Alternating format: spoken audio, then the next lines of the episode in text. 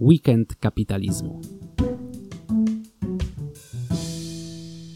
Nowy ład w globalnych finansach. Tak brzmi tytuł raportu Warsaw Enterprise Institute, który jest do pobrania na stronie wej.org.pl i na temat tego raportu e, przeprowadziliśmy podczas weekendu kapitalizmu dyskusję poświęconą systemu finansowemu przyszłości, czy czeka nas jakaś rewolucja monetarna, finansowa, co z kryptowalutami, co z CBDC, gości, ekspertów od e, branży bankowej, giełdowej, finansowej, kryptowalutowej zaprosił i przedstawi Państwu e, wiceprezes WEJ Sebastian Stodolak, który prowadził tę rozmowę.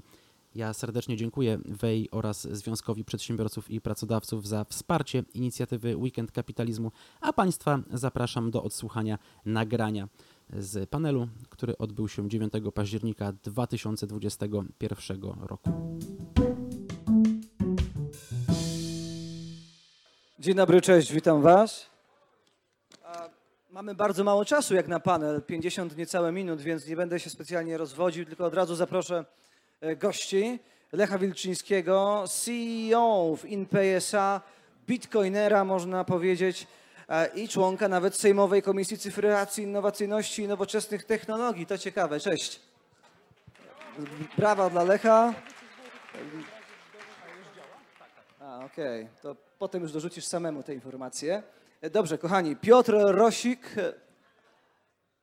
Piotr Rosik jest zastępcą redaktora naczelnego portalu Strefa Inwestorów, ekonomistą, publicystą, politologiem oraz autorem, i to jest kluczowa informacja, raportu, który przygotowaliśmy w Warsaw Enterprise Institute na temat mm, tego, jak w przyszłości będzie wyglądał e, ład finansowy na świecie, czy mamy obecnie do czynienia z takim wielkim resetem tego post-Bretton Woods e, e, układu, czy wiele się może zmienić, może aby się nie zmieniło nic, to właśnie Piotr odpowiada na te pytania w raporcie, który jest dostępny na naszej stronie i jest pretekstem do dzisiejszej dyskusji.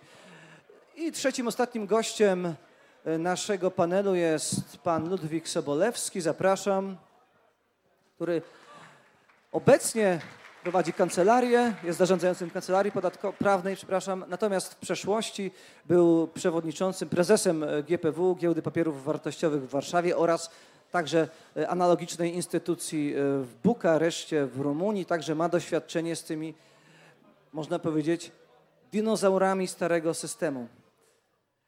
I już e, nie przedłużając, oddaję głos Piotrkowi Rosikowi, który przybliży w skrócie, co w tym raporcie, o którym wspomniałem, się znajduje. Dzień dobry. Miałem przyjemność stworzyć dla e, Warsaw Enterprise Institute e, raport analityczny e, Nowy Ład w światowych finansach.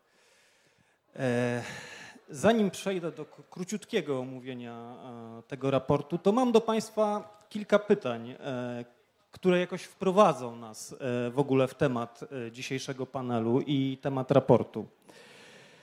E, czy ktoś jest na sali, kto wie, czym był rabosz? Inteligentni, wykształceni ludzie.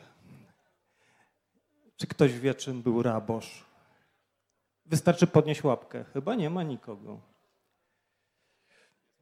Jest jedna? O, to jedna, na, na ile? Na 200, chyba ponad 200 osób. E, drugie pytanie. E, czy ktoś z Państwa ma e, bitcoina lub cząstkę bitcoina, sacy? O, już więcej. Dzisiaj też wszyscy. Już więcej, sporo, sporo, chyba z połowa albo więcej. Dobrze. Trzecie pytanie. Czy ktoś z Państwa w ostatnich tygodniach był w placówce bankowej? Jest coś takiego jak placówka bankowa. Banki mają takie swoje stacjonarne. Uuu. No ja byłem pod koniec lipca, pierwszy raz chyba od dwóch lat. Tak. Yy, nie, w innym celu, nie żeby zamknąć konto. E, czwarte pytanie. E, to jest, to, odpowiedź jest ciekawa. E,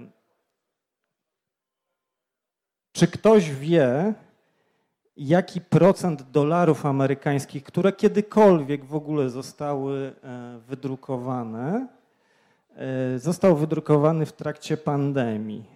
Można krzyknąć gło głośno i pomylić się o 10%.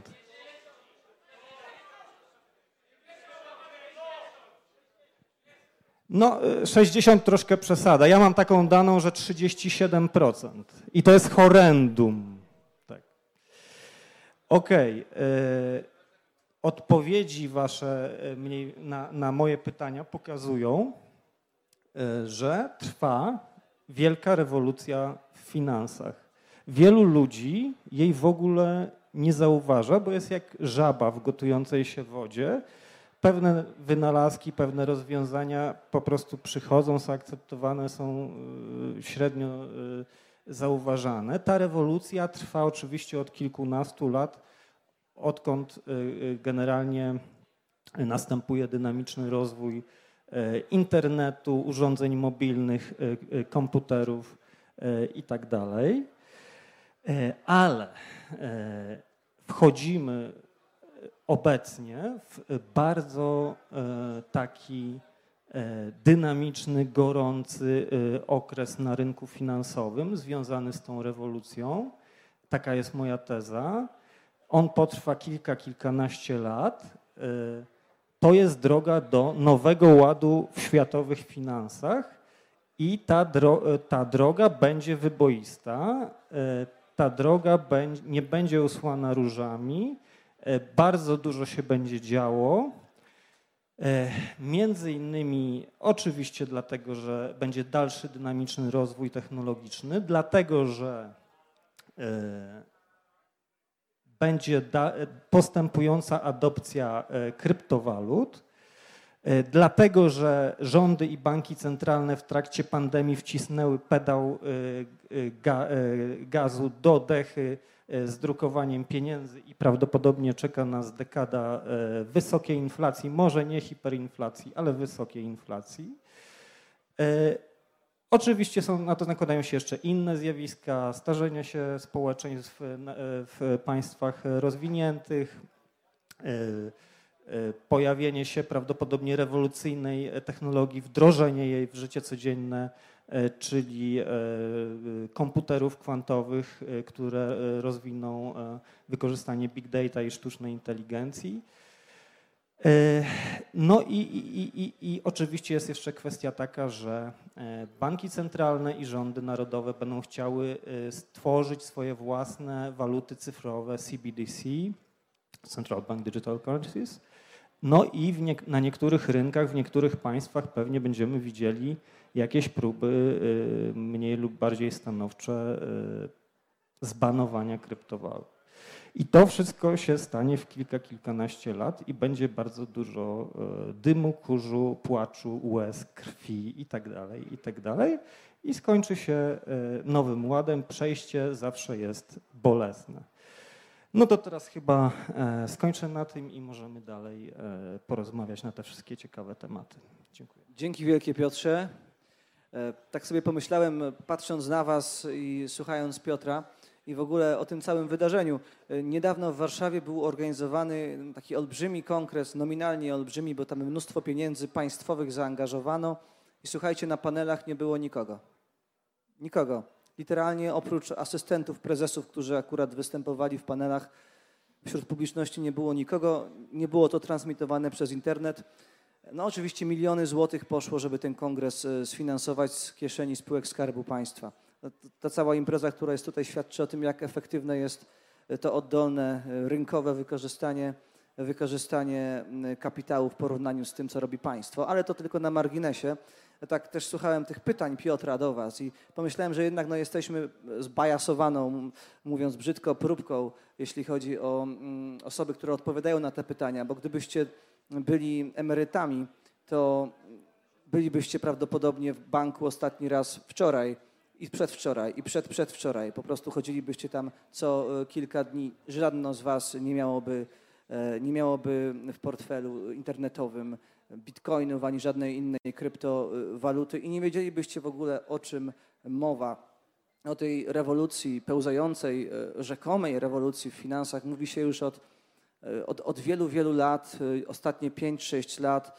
No, rewolucja była zapowiadana e, co kilka miesięcy przez kolejnego zwolennika tej czy owej kryptowaluty, zwłaszcza entuzjastów bitcoina, którzy zrobili z tego taki rodzaj nowej ewangelizacji i gdy czytam wypowiedzi niektórych, jak to bitcoin i blockchain mają zbawić świat, to się zastanawiam, na ile w tym jest e, szczerej wiary, przekonania i na ile jest w tym e, argumentów, a na ile jest w tym po prostu, mówiąc brzydko, naganiania kolejnych e, inwestorów, którzy będą pompować kurs.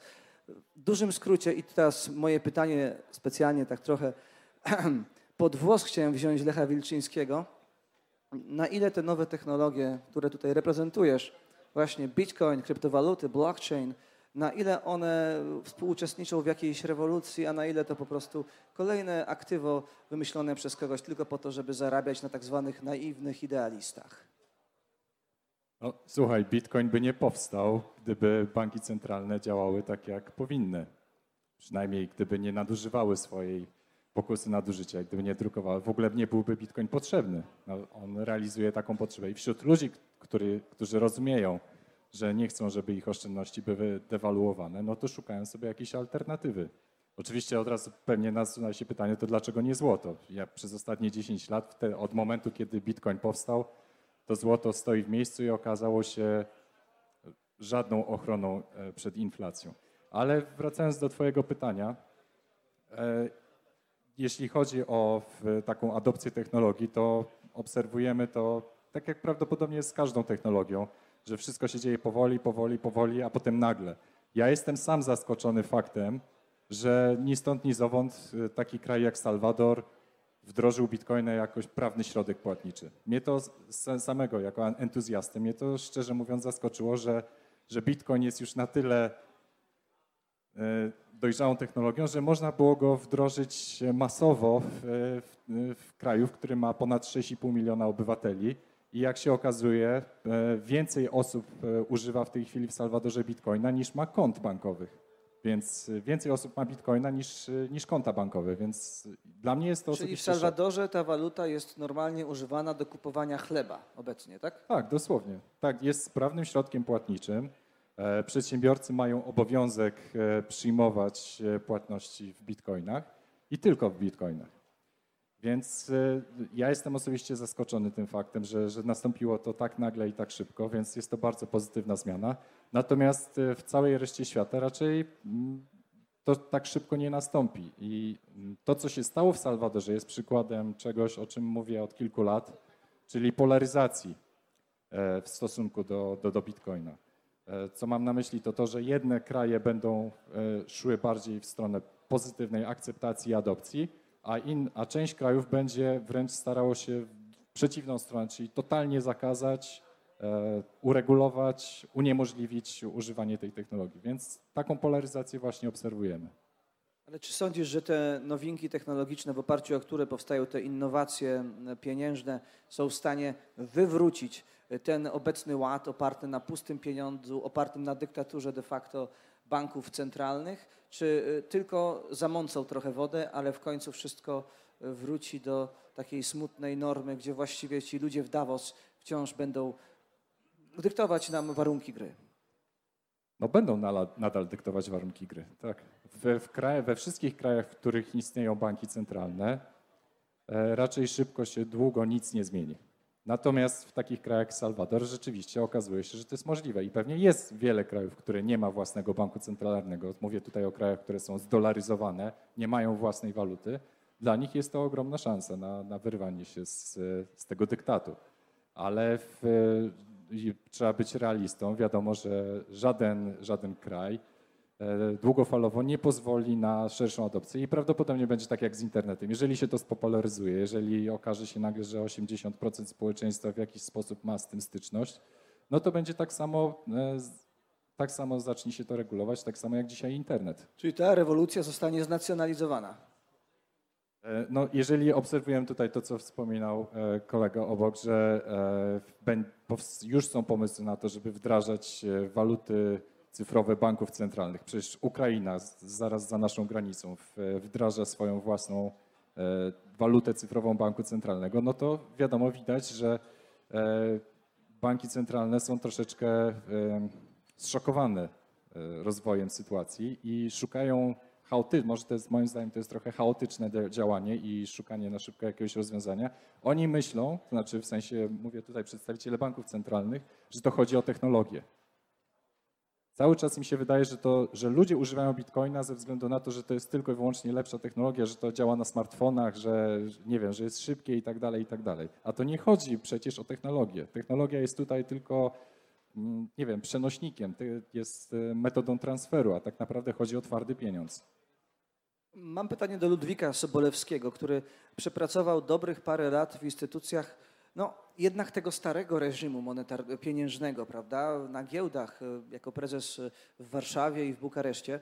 E, Ludwiku, jak oceniasz w ogóle zdolność takich organizmów do zrozumienia tych przemian, z którymi mamy obecnie, obecnie do czynienia? Czy to jest, czy jest możliwe, że banki centralne, giełdy y, w sposób taki, który przyniesie korzyści wszystkim, ogółowi, podepną się pod tę rewolucję, czy raczej będą działać właśnie destruktywnie, będą jej hamulcowym, będą ją nacjonalizować, ale w taki właśnie nieoptymalny sposób, jak tutaj zwraca uwagę Lech. Który z tych dwóch scenariuszy?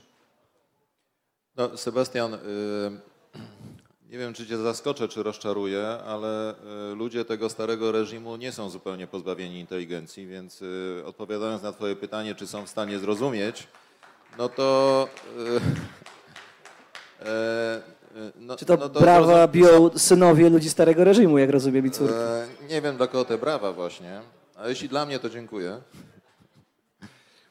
Em, Ale słuchajcie, ja chcę powiedzieć coś, korzystając może z jakichś tam zasobów, y, zwłaszcza mojej przekornej inteligencji, że ja jestem strasznie zaskoczony sposobem, w jakim mówicie e, o właśnie tym case'ie Salwadoru i tej adopcji bitcoina. To znaczy jestem tym zaskoczony w sensie, bym powiedział, e, takim e, negatywnym nawet. Na szczęście ty powiedziałeś, ty zadałeś takie pytanie, czyli czy to wszystko będzie znacjonalizowane i to mi trochę przywróciło wiarę, że może jest e, jakby szansa na to, żeby popatrzeć na to trochę inaczej. I oto s- spróbuję zrobić teraz, dobra? Jak mi dacie jakieś trzy minuty. Bo ja oczywiście budowałem y, giełdy i systemy depozytowo-rozliczeniowe, które, dzięki którym giełdy w ogóle mogły funkcjonować y, w dwóch krajach, ale też obserwowałem tę rewolucję blockchainowo-kryptowalutową. Notabene nie zgadzam się z tym, że e, w tej rewolucji najbardziej przełomowy był Bitcoin jako taki, czy jakakolwiek krypto, bo w tej rewolucji e, potencjał najbardziej rewolucyjny to właśnie był, może jeszcze jest, w blockchainie, bo to blockchain był szansą na to, że e, ten tradycyjny system finansowy zostanie jakby totalnie zdecentraliz- zdecentralizowany, że jak gdyby powstanie pewna oaza wolności albo jakiś system alternatywny i on by się nie mógł trzymać, on nie miałby szansy na to, żeby powstać jako system alternatywny, gdyby właśnie nie technologia blockchain. To technologia blockchain, która przynosi to, że autentyczności nikt, żaden jakiś podmiot centralizujący, koordynujący nie musi zapewniać, tylko jakby wszyscy uczestnicy sieci sobie to tworzą, to to jest właśnie rewolucyjne.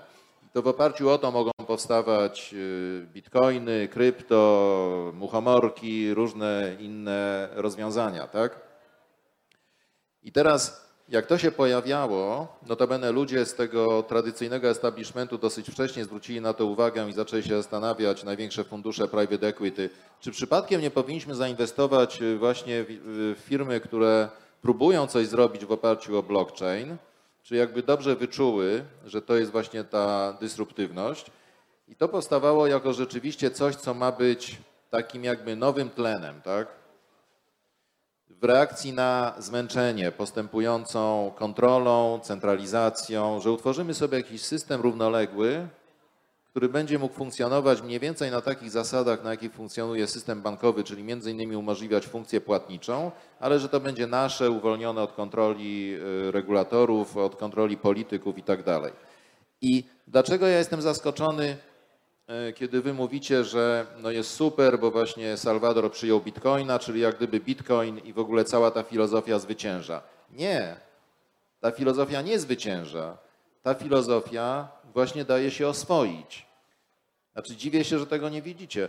Ta filozofia właśnie jest dzisiaj zasysana przez świat y, regulacyjny i nadzorczy, tego co ty nazwałeś y, starym y, czy tam dawnym, dawnym reżimem. To przestaje być system alternatywny. Oczywiście, słuchajcie, jak sobie tak jakby będziemy w świecie tego fajnego namiotu, tych płomieni, tu jest piwko i tak dalej, to można odnieść wrażenie, że y, blockchain, y, krypto to jest wszystko takie ciągle świeże, nieujarzmione, hipsterskie i tak dalej, ale to są dzisiaj już raczej złudzenia.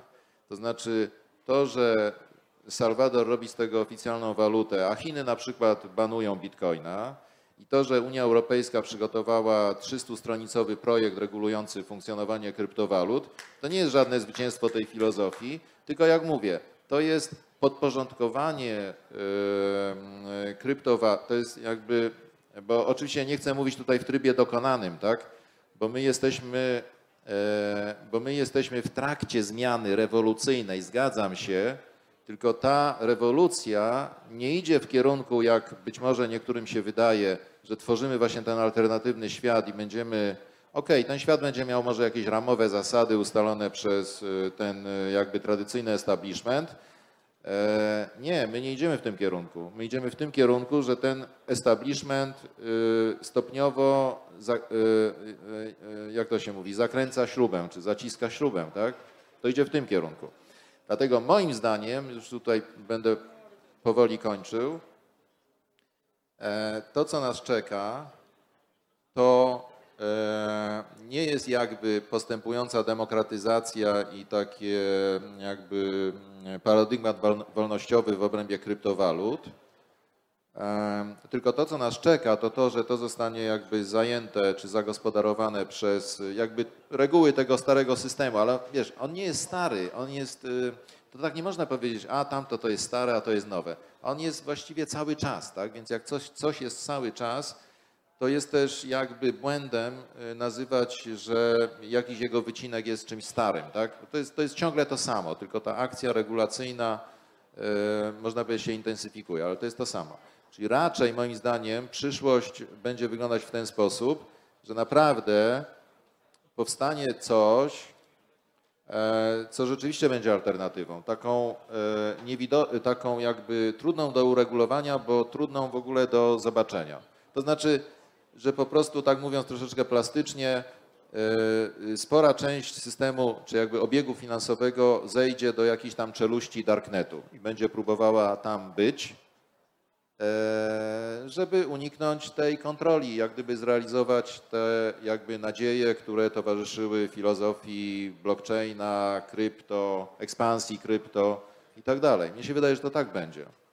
Ja dzisiaj już słyszę, że są ludzie, którzy, wiecie, robią różne transakcje, nawet jakby trochę w obrębie naszego świata, czyli transakcje, które prowadzą do finansowania różnych projektów biznesowych.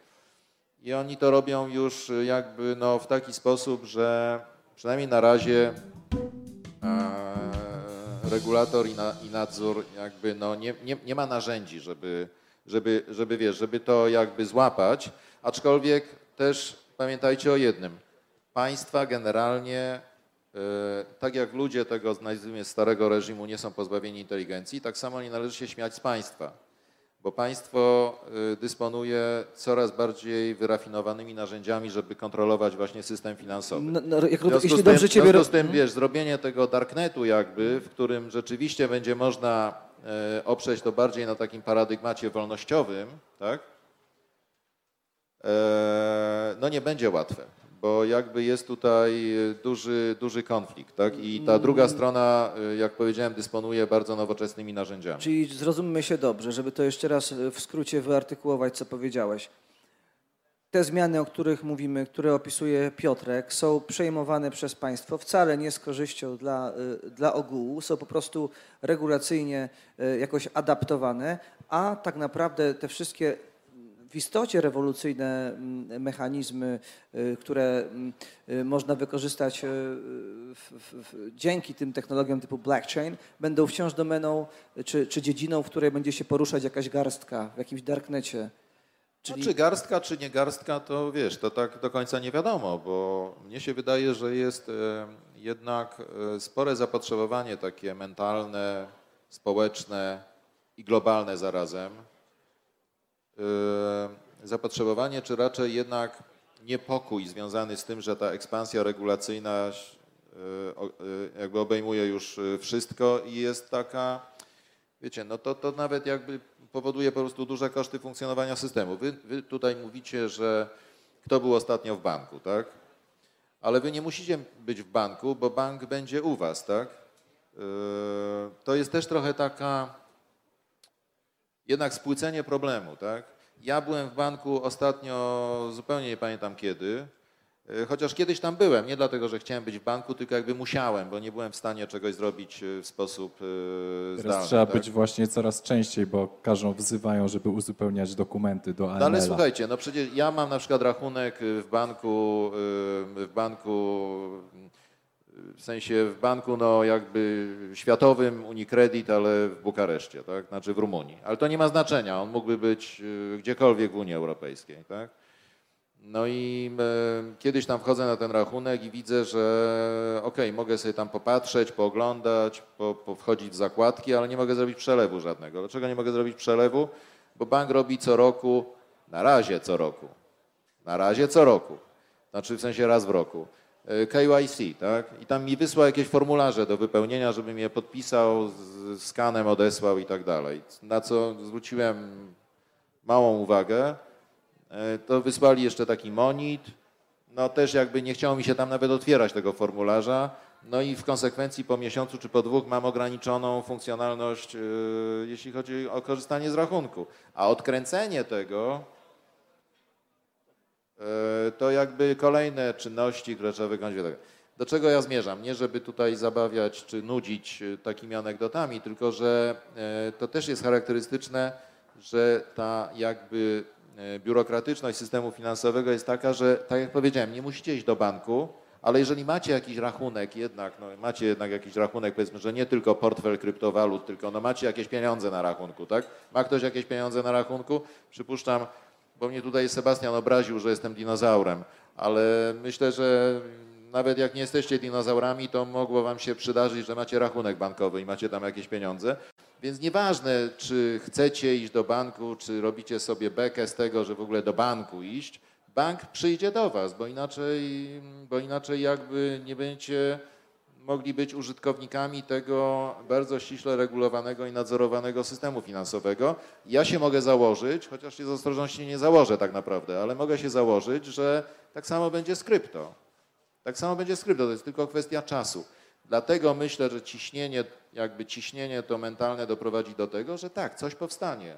Będzie jakiś, wie, będzie jakiś Mad Max, Mad Ma, mm, ten, ten, będzie jakieś, będzie jakieś science fiction, które stanie się na naszych oczach, tak? Już. No dobrze, to teraz Piotr Będą jakieś, Rosik, wiem, roboty, e, które będą robiły obrót finansowy i jakby powstanie duża zagwozdka, co tu zrobić. Ludwik, powiedziałeś bardzo dużo, poruszyłeś bardzo dużo wątków i Piotr Rosik Przepraszam, ale będzie się próbował, słusznie, ale Piotr Rosik musi na nie odpowiedzieć, bo to były wątki częściowo stojące w sprzeczności z diagnozą Piotrka, więc chciałbym posłuchać, co on ma na ten temat do powiedzenia. Tak, dzięki. E, to znaczy tak, po pierwsze to chciałem e, dokonać takich małych uzupełnień, e, żebyśmy też wiedzieli dokładnie o czym mówimy. W tej chwili rynek światowy kryptowalut jest wart około 2 bilionów dolarów. No to nie, jeszcze nie jest dużo, natomiast bardzo dynamicznie rośnie. Jest taki think tank przy Uniwersytecie Cambridge. On monitoruje na bieżąco rynek kryptowalut i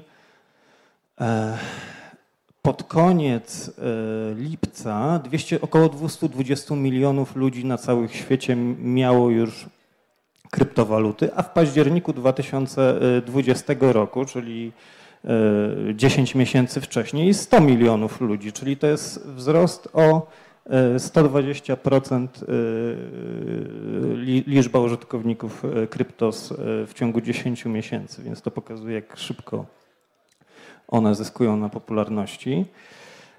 Tutaj Lech powiedział o Ukrainie i to jest dosyć ciekawy case. Chciałem tylko jedno słówko powiedzieć, bo tam chyba tak jest, że oni w ogóle zalegalizowali e-hrywnę jako środek płatniczy, a ona w ogóle jeszcze nie jest e, dopuszczona do użytku, jeszcze nie wyszła, że tak powiem, z banku centralnego. To, to, to, to, to jest ciekawe. E, jak bardzo się śpieszą e, jakby z tymi cyfrowymi e, walutami. Natomiast tutaj, co odnosząc się do tego, co, co Ludwik powiedział, to bardziej chyba chciałbym zadać Lechowi pytanie takie, bo to jest bardzo ważne pytanie w tym kontekście rozwoju kryptowalut i, i bitcoina i e, jak on bardzo wpłynie na, na światowe finanse i na przyszłość bankowości i tak dalej.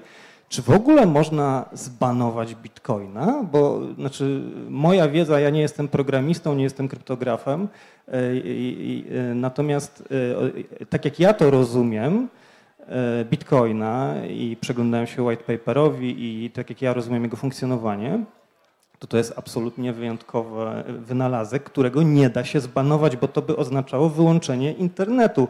Żaden kraj y, w XXI wieku nie może sobie pozwolić na wyłączenie internetu na swoim terytorium, ale to bardziej pytanie przekazuję chyba do, do, do, y, do Lecha.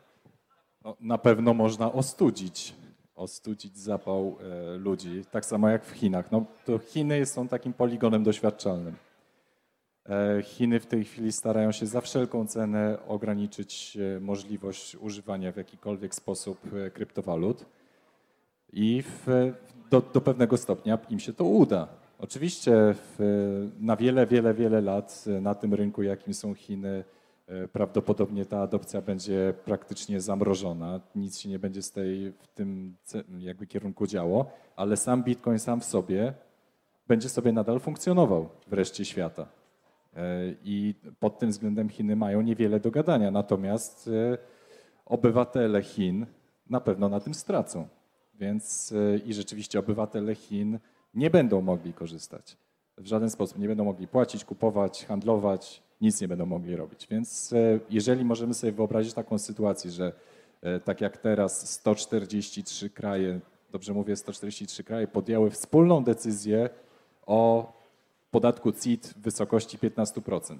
Jakby wszystkich 140 krajów, to, znaczy to nie są wszystkie kraje, tak? no bo krajów jest więcej, ale aż 140 krajów ponad zdecydowało się na podatek CIT w wysokości 50, globalny podatek CIT. Więc rzeczywiście na tym przykładzie można sobie wyobrazić sytuację, że te 140 krajów zacznie się dogadywać w tym sensie, że słuchajcie, musimy zakazać. I można sobie wyobrazić, że na długi, długi czas ostudzi to adopcję. Już nie będzie powiedzmy przyrostu, nie wiem, 100 milionów użytkowników w ciągu 10 miesięcy, tylko zdecydowanie mniej. Natomiast Bitcoin nadal będzie sobie gdzieś tam kiełkował. Ale biorąc pod uwagę, że jeżeli weźmiemy sobie przykład takiego Salwadoru, no zaraz pojawi się kolejny kraj, typu e, w Brazylii w tej chwili ma wejść e, podobna ustawa. Nie wiem, nie wiem na ile. W, Paragwaj chyba też myślę. W, w, Parag, w Paragwaju w, w, dużo gorszym znaczy wydaniu, ale, ale Brazylia. Jeżeli będziemy mieli do czynienia z takimi krajami, które jednak zdecydują się na wdrożenie tego, ja to w cudzysłowie nazywam standardu bitcoina, no to mo, możliwe, że po prostu będziemy się e, mieli fajne porównanie krajów, które są oparte o waluty cyfrowe banków centralnych versus krajów, kraje, które opierają się o standard bitcoina.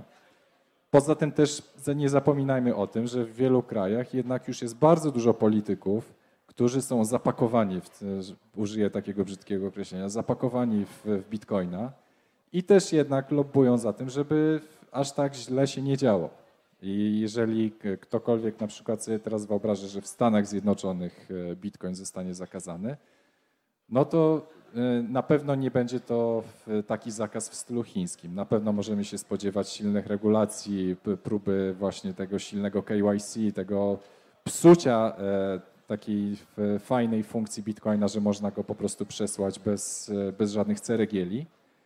E, natomiast e, tutaj rzeczywiście będziemy mieli taki po prostu całe spektrum, spektrum podejścia na całym świecie, ale też możemy się spodziewać właśnie takiego ogólnoświatowego podejścia typu 140 krajów zdecydowało się na tym, że u nas nie można w żaden sposób inwestować w bitcoina. No tak, ale to wtedy smart money popłyną, nawet wyemigrują do tych krajów, które, gdzie będzie standard bitcoina.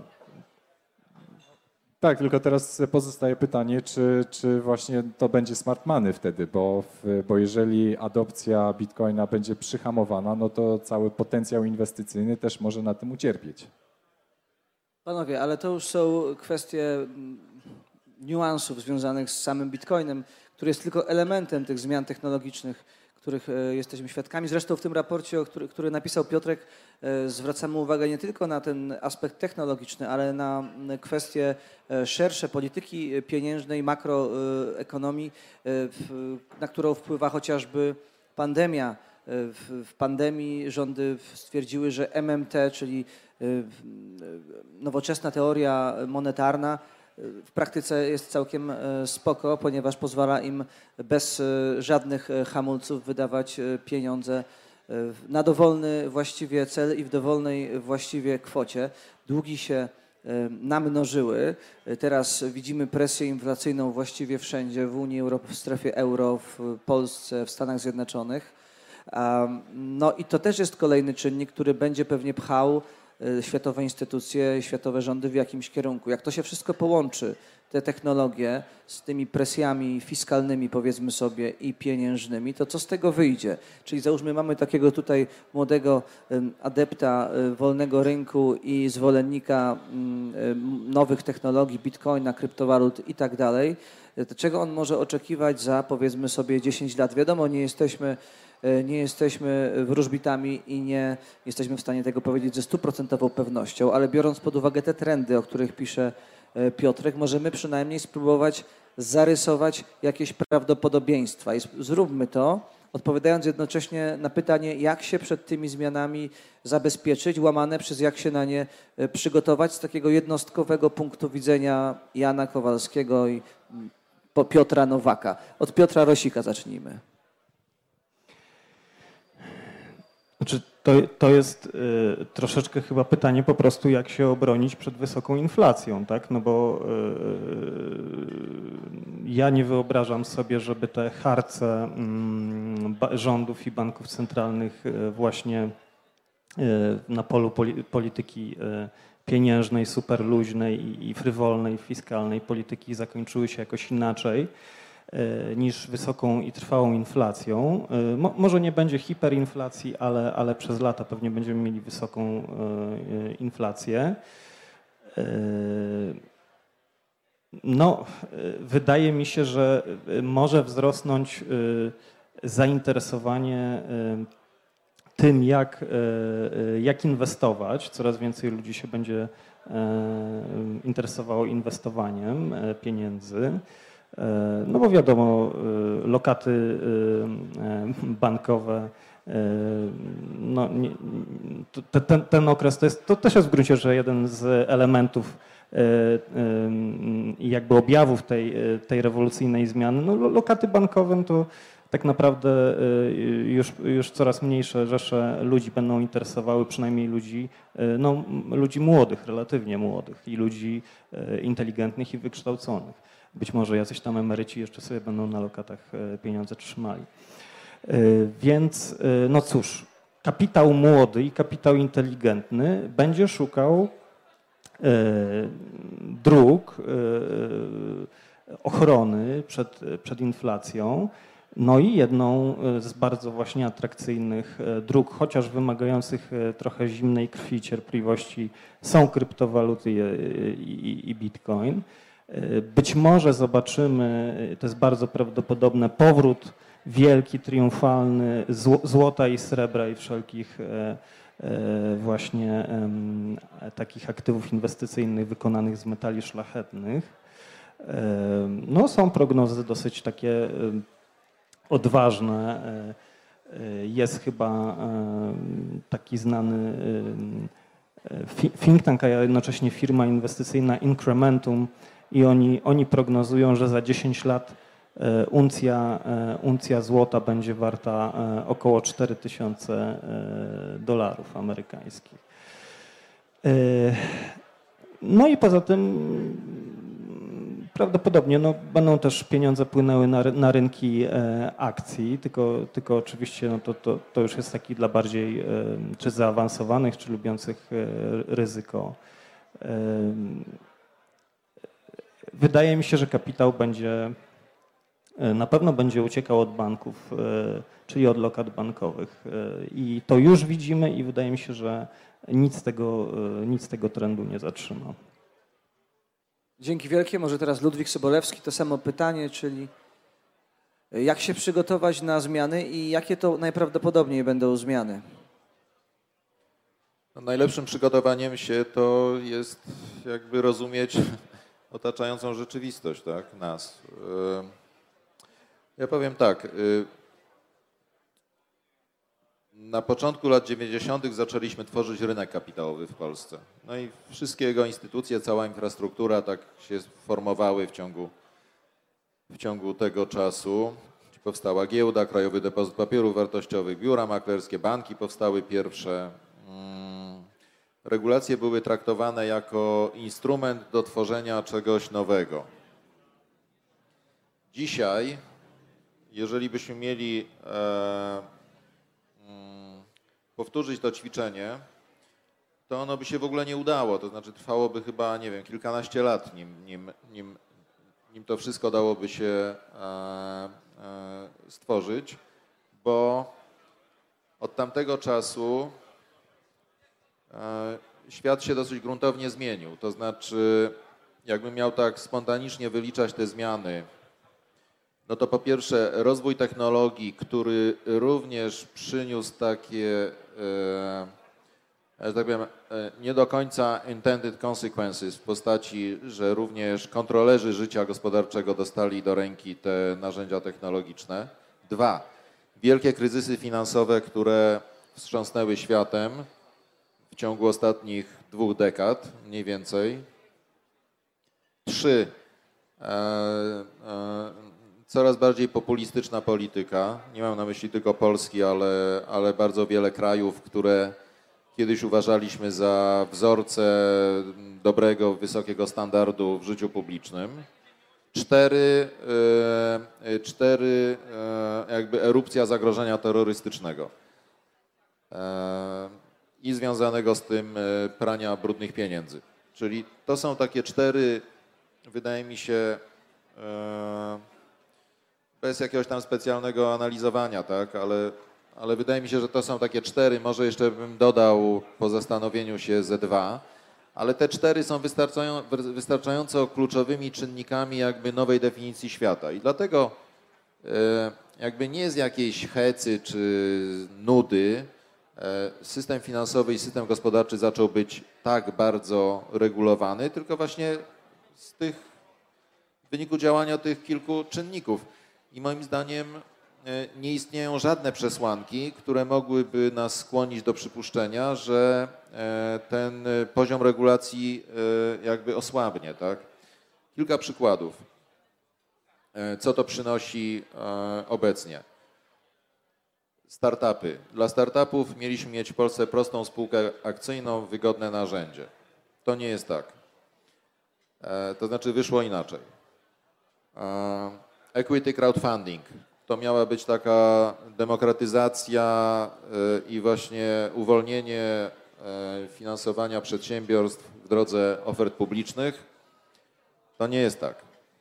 E, to znaczy jest pewnego rodzaju iluzja, którą przynosi nowa regulacja europejska, że to jest w ogóle super, teraz to już naprawdę wszystko będzie łatwe i proste, bo zwiększa się limit czy górny poziom wartości transakcji, które można realizować w formie crowdfundingowej ale tam jest pół tony jeszcze innych rzeczy zupełnie, które jakby mocno zmieniają e, ogólną ocenę. E, system podatkowy, to co Lechu tutaj wspomniałeś, tak? System podatkowy, który, który no, coraz mocniej oplata i powoduje, że prowadzenie biznesu robi się coraz, no, no truizm, tak? Robi się coraz, coraz trudniejsze. Ja dwa dni temu miałem spotkanie z ludźmi, którzy zrobili bardzo, bardzo fajny startup, właściwie to już nie jest do końca startup, powiedzmy tak powiem enigmatycznie w dziedzinie lendtechu, czyli yy, pożyczanie pieniędzy yy, małemu biznesowi, właściwie to podmiotom prowadzącym jednoosobową działalność gospodarczą oparte na yy, fantastycznych narzędziach technologicznych. No i też zadałem takie pytanie, a macie jakąś konkurencję w Polsce? Nie, jesteśmy jedyni. To jest, to jest charakterystyczne, wiecie, bo naprawdę e, fajny zespół, świetny pomysł, ale też nie jakiś taki zupełny rocket science, to znaczy nadaje się to do skopiowania.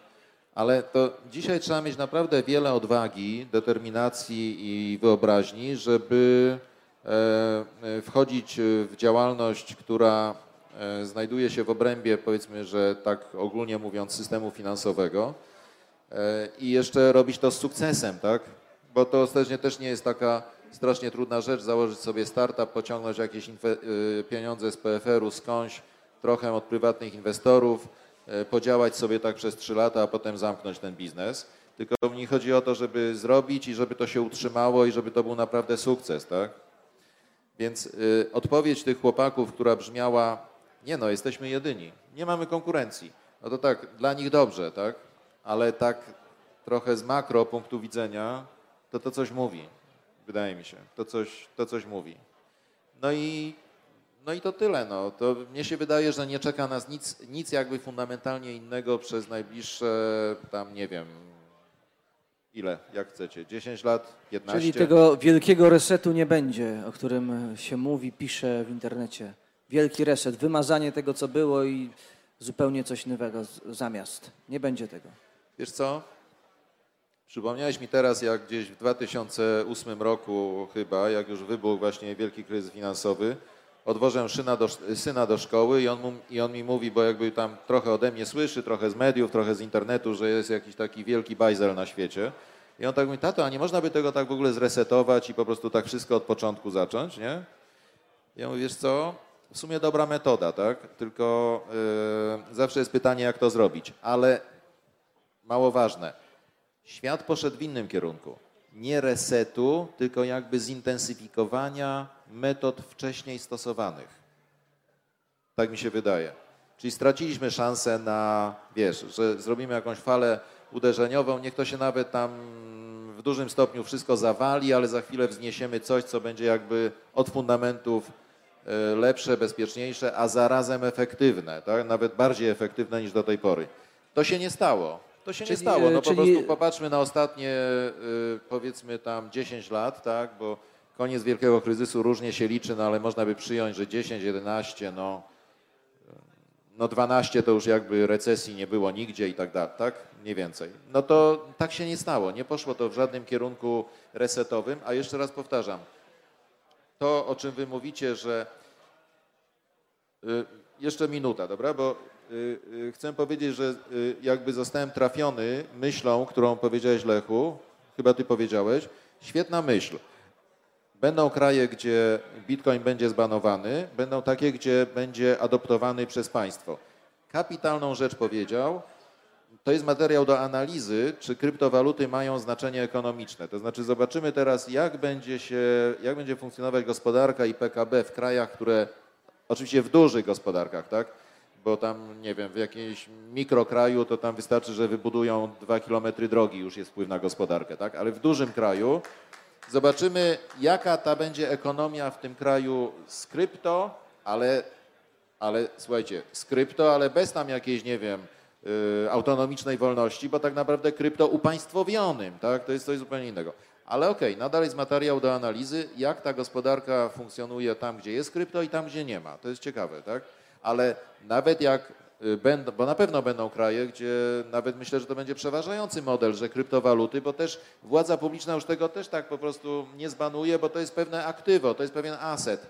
To się nadaje do nawet y, pewnego PR-u, tak, to się nadaje do... Dlaczego by tego nie mieć? To jest jakby dodatkowy instrument finansowo-płatniczy, tak? Tak, ale to, to, co ty mówisz w połączeniu z tym, co mówi Piotr, to jest właściwie bardzo pesymistyczne, bo z jednej strony ty mówisz, To ja będzie, będzie więcej, właśnie za chwilę do ciebie przejdziemy, będzie więcej tych e, narzędzi w ręku państwa tak naprawdę. Te technologie, które nas teraz Oczywiście. tutaj, en, do których my entuzjastycznie tak bardzo podchodzimy, zostaną przejęte. Piotr mówi, właściwie tak naprawdę z punktu widzenia y, kogoś, kto żyje Anno Domini 2021, kluczowe jest przygotowanie się, zabezpieczenie się na inflację. Nie mówi, kluczowe jest przygotowanie się na ten na tę olbrzymią paletę nowych szans, które przed nami staną. Nie, mówi, przygotujmy się na inflację, może znowu złoto będzie popularne, kto wie, może srebro, może coś innego. Ja się No, czyli wtrącę. Pesymizm, państwo znów wejdzie Nie, nie z butem i zgramuje Tam jest, wszystko. Nie, tam, no nie jest, e, pesymizm, tam tak. na stoisku jest taka gra naucz się oszczędzać.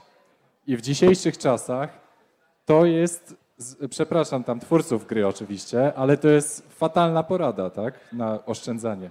Więc e, dzisiejsze finansowe aikido to jest zaciąganie kredytów pod korek, jak się tylko da. Ja wiem, że to brzmi e, powiedzmy jak herezja, tak, ale należy zaciągać kredyty pod korek, bo w odpowiedzi na inflację. Inflacja będzie postępować, będzie, nie będzie może hiperinflacja, ale będzie bardzo wysoka inflacja. Jedyna, jedyna szansa, żeby właśnie bronić się przed inflacją, to za, zaciągać To kredyty. może, to może pytanie, bo chętnie się wszyscy przyznają do posiadania bitcoina, a kto z Państwa ma jakiś kredyt, jakikolwiek? Kto spłaca? Ręka do góry. No Oczywiście nie na wysoki procent, nie mówię tutaj o chwilówkach, broń Boże, tak? Ale e, kredyty e, hipoteczne na niskie oprocentowanie albo e, kredyty, które na pewno zapewnią Wam stałe oprocentowanie. E, w każdym razie w czasach, jeżeli się cofniemy do lat 90., to ci, którzy mieli kredyty, to wyszli górą e, w czasach hiperinflacji. No oczywiście można, można jednocześnie część środków e, nie alokować sobie w twarde aktywa, czy chociażby nieruchomości, bitcoin, złoto, jako w ramach dywersyfikacji, jeżeli ktoś się boi, alokować w jedną rzecz, jeżeli jest niepewny jednej rzeczy. Ale właśnie w momencie, kiedy inflacja wystrzeli, e, kredyty, ten kapitał kredytu czy, czy odsetki będą śmiesznie małe. Oczywiście w pewnym momencie bank centralny zdecyduje się na podniesienie bardzo wysoko stóp procentowych. Wtedy trzeba mieć przygotowany kapitał, oszczędności powiedzmy w twardych aktywach, żeby natychmiast ten kredyt spłacić momentalnie w momencie, kiedy są podwyższone stopy. Po prostu powtórka z rozrywki z lat 90. I, i to jest moja teza na, na inflację. A- poza tym, jeżeli mówimy tutaj o e, tym postępującym, e, postępującej takiej powiedzmy pesymistycznej wizji e, świata, w której właśnie mamy do czynienia z taką totalną kontrolą, e, taką chińską wizją funkcjonowania społeczeństwa, no to ja jestem nadal jednak optymistą, że jest to wyścig, trwający wyścig zbrojeń e, i że, że jednak po tej, po tej drugiej stronie jakby e, rynek nie znosi próżni jednak i jednak będą, będą powstawać narzędzia, e, modele funkcjonowania w społeczeństwie, które będą się bronić przed tą totalną kontrolą. Więc jednak, e, jednak w, tym, w tej kwestii trzeba być optymistą, bo jeżeli byśmy wszyscy byli pesymistami, to, to w ogóle można od razu sobie e, podziękować. Tak? Dzięki wielkie jeszcze adwocem. Dwa Znaczy, ja już krótko chciałem tylko zaprotestować, bo ja nie jestem pesymistą, ani ja w ogóle jestem w bardzo optymistycznym nastroju, tylko zapytaliście mnie, co sądzę o świecie finansów, no to powiedziałem, co sądzę. E, A sądzę też to, co ty, Lechu, powiedziałeś w końcówce, bo też starałem się o tym opowiedzieć, że coś na pewno powstanie, ten jakiś dark na pewno powstanie, tak? E, Tak, więc... e, Ja, A- ja a jak się należy mówię, przy- że w świecie pieniądza fiducjarnego wszystko inne staje się pieniądzem. A jak... Poczekaj, muszę to przemyśleć, co powiedziałeś. No, w świecie E, pieniądza fiducjarnego wszystko inne staje się pieniądzem bardzo szybko. Dobrze. W ogóle wydaje mi się, jeżeli chodzi o to przygotowanie się do tego, o co ty pytasz, to trzeba się przygotować przez zrozumienie tego, że e, ilość pieniędzy potrzebna do szczęśliwego życia jest e, mniejsza niż nam się wydaje. Stoicyzm i minimalizm. mam powtórzyć, czy bo tak, Tak, nie, nie, nie, zastygłeś, okej, zastygłeś. Okej, Wszyscy są okej. zaskoczeni. Nie będziesz tak, posiadał nic zaskoczeni. Nie, nie, nie, że może aż nic, tak? Ale jakby często jesteśmy w tym fundamentalnym błędzie, że jak będziemy mieć więcej pieniędzy, to będzie jakoś lepiej, tak? E, Piotrze, to teraz też jeszcze krótki adwocem, bo nie wiem jaki jest zwyczaj na weekendzie kapitalizmu, ale jedno pytanie z publiczności dopuścimy, bo ktoś się tu zgłasza.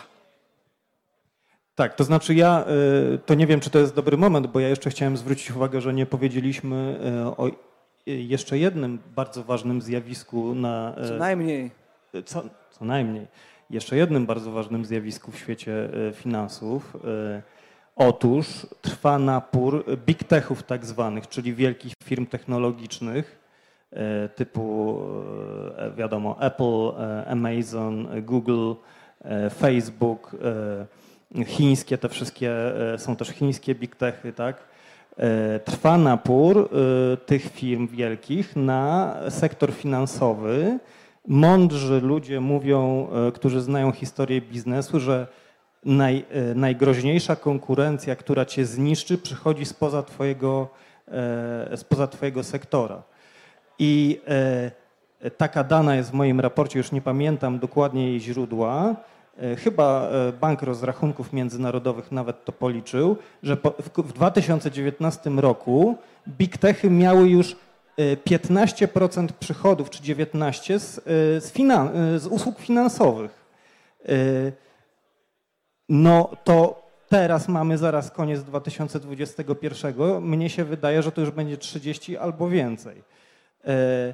I weźmy pod uwagę jeszcze to, że e, banki, e, generalnie banki, banki komercyjne na, na, całym prawie świecie, to są takie trochę skostniałe ala urzędy, instytucje. Nie, nie wszystkie oczywiście, ja generalizuję. E, I mnie się wydaje, ja stawiam taką odważną tezę, że one nie są w stanie rywalizować z big techami i tylko regulatorzy mogą E, obronić e, banki jeszcze przez jakiś czas. Nie wiem jaki, e, ten napór będzie coraz większy. To jest kolejny element tej rewolucji, która trwa i która będzie się coraz szybciej toczyła. Ale to był właśnie no-brainer. Wydawało się, że no przecież Google powinien być bankiem, tak? ale jednak ze względu na to, że regulacje są tak pokrętne, to Google zrezygnował z świadczenia usług bankowych. No, tak Facebook, samo, e, prawda, miał być e, ta Libra, wa Libra waluta Facebooka. Facebooka. miała być Libra, potem zmieniono nazwę, nie wiem dlaczego, tam dlaczego, na, na Diem chyba, czegoś takiego. E, no oczywiście, no bo właśnie to jest to, o czym ja mówię. Regulatorzy bronią banków, bo wiedzą, że banki by zostały zmiażdżone. Dobrze, panowie, to jest kolejny ciekawy wątek na kolejny panel, a ja chcę jeszcze bronić tej szansy, żeby tutaj publiczność zadała wam jakieś pytanie, czyli dwa pytania, jak rozumiem, są nawet, tak?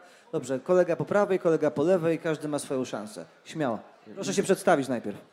Nazywam się Kacper Hajduk i mm, znaczy, bardzo dziękuję za danie możliwości zadania pytania, ponieważ ja chciałem wyjść do tematu, y, gdzie pan wychwalał... Y, Można prosić o ciszę, bo nie słychać pytania. A, przepraszam, będę mówił głośniej to chciałem się spytać, wrócić do tematu Salwadoru oraz Brazylii. Tam pan wspomniał wcześniej, że rządy przyjęły bitcoin jako walutę krajową, ale też zauważyłem bardzo ciekawą rzecz, że tam bardzo duża ilość mieszkańców Salwadoru protestowała przeciwko temu, więc jest bardzo duży opór społeczeństwa także przeciwko prowadzeniu bitcoina. W Brazylii, mieszkańcy Brazylii też nienawidzą tam tego prezydenta, więc jak ma się do tego odniesie?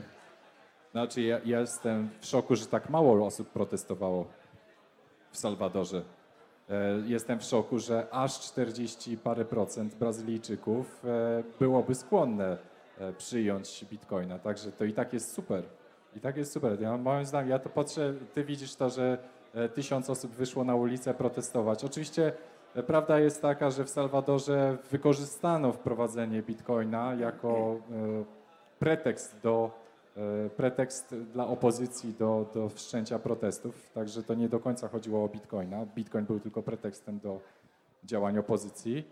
E, natomiast e, tak czy inaczej relatywnie mało osób protestuje. Ja myślałem, że, że opór społeczeństwa będzie dużo większy, a okazało się, że, że wchodzi jak w masło i to ja jestem mile zaskoczony, bo myślałem, że będzie dużo, dużo gorzej, że będzie po prostu jakaś totalna, totalna porażka tego wdrożenia. Dziękuję bardzo. I drugie pytanie? Marcin Doniecki, e, trochę podsumowując. Lechu, e, wyłącz dostęp do fiatów, do e, walut fiducjarnych przez gatewaye i na przykład nakłoń wszystkich, żeby płacili bitcoinem nawet za kieliszek wody w tym, w tym barze.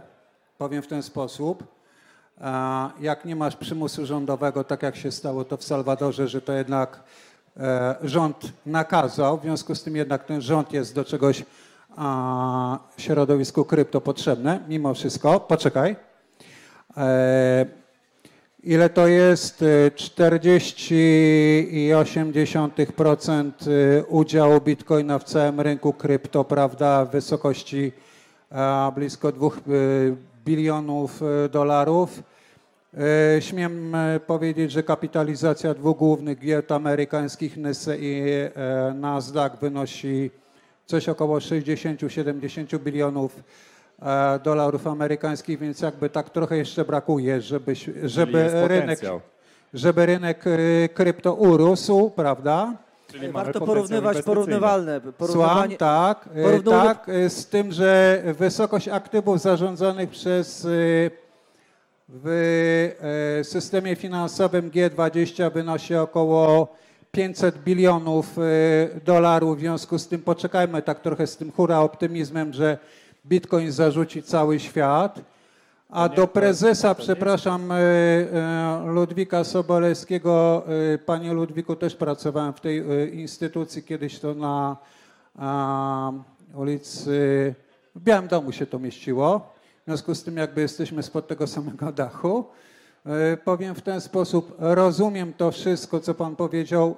Faktycznie, jeśli się odejmie aspekt czystego fiskalizmu, czyli gdzie państwo przeszkadza i tak dalej, i tak dalej, a przeniesie się to na aspekt, co państwo ma bronić, to w tym momencie mamy coś takiego. Przykro jest, ale państwo zrobi wszystko, żeby w cudzysłowie państwo instytucje regulacyjne, e, w tym również instytucje mm, tak zwanego systemu finansowego, prawda, y, BFG, KNF, NBEP, Ministerstwo Finansów i tak dalej, plus prawda, to, co się dzieje w Stanach Zjednoczonych, żeby udomowić prawda, Bitcoina. Żeby udomowić, nie, w sensie aktywa inwestycyjnego i tak dalej, i tak dalej. Chcecie się bawić? Nie ma problemu. Nie w sensie takim, żebyśmy my mogli tutaj przy barze, wyciągając to wszystko, płacąc za kieliszek wody, prawda, e, regulować e, e, zwykłe, proste świadczenia i tak dalej, i tak dalej. Chcecie się bawić? Nie ma sprawy. Stany Zjednoczone lubią taką zabawę. a jakieś pytanie? Czy rozumiem, że to był komentarz? Nie, to było Okej. podsumowanie, natomiast pytanie do Lecha. Lechu, jak ty się zapatrujesz na ten rozwój sytuacji? Komentując to, że Salwadorczyków zmuszono de facto do przyjmowania bitcoinów, ja tylko pragnę przypomnieć, że Polaków zmuszono do kapitalizmu ustawą Wilczka, więc no, e, bez tej ustawy nie udałoby się zaorać e, złego systemu. Więc jednak e, niestety jakiś element powiedzmy tej koerzji, ko, przepraszam, przymusu e, okazuje się, może być pozytywny, jeżeli prowadzi do Taki zdrowy zmian. paternalizm, taki e, jak tamten e, noblista libertariański. Czyli nie wierzycie w oddolną to- to siłę tak jak- y, bo to- blockchaina i kryptowalut. Te- W oddolną mówię siłę tutaj nie. o takim paradoksie, że e, anarchiści nie mogą przejąć władzy, bo anarchiści są przeciwko władzy, tak? Więc w jaki sposób można wprowadzić e, e, wolny rynek, nie, nie będąc u władzy? Ktoś wprowadzał na przykład złoto jako środek płatniczy? A to jest właśnie... Nie. Tak, nie, Nie. właśnie. No Dlaczego? właśnie. Dlaczego nie złoto?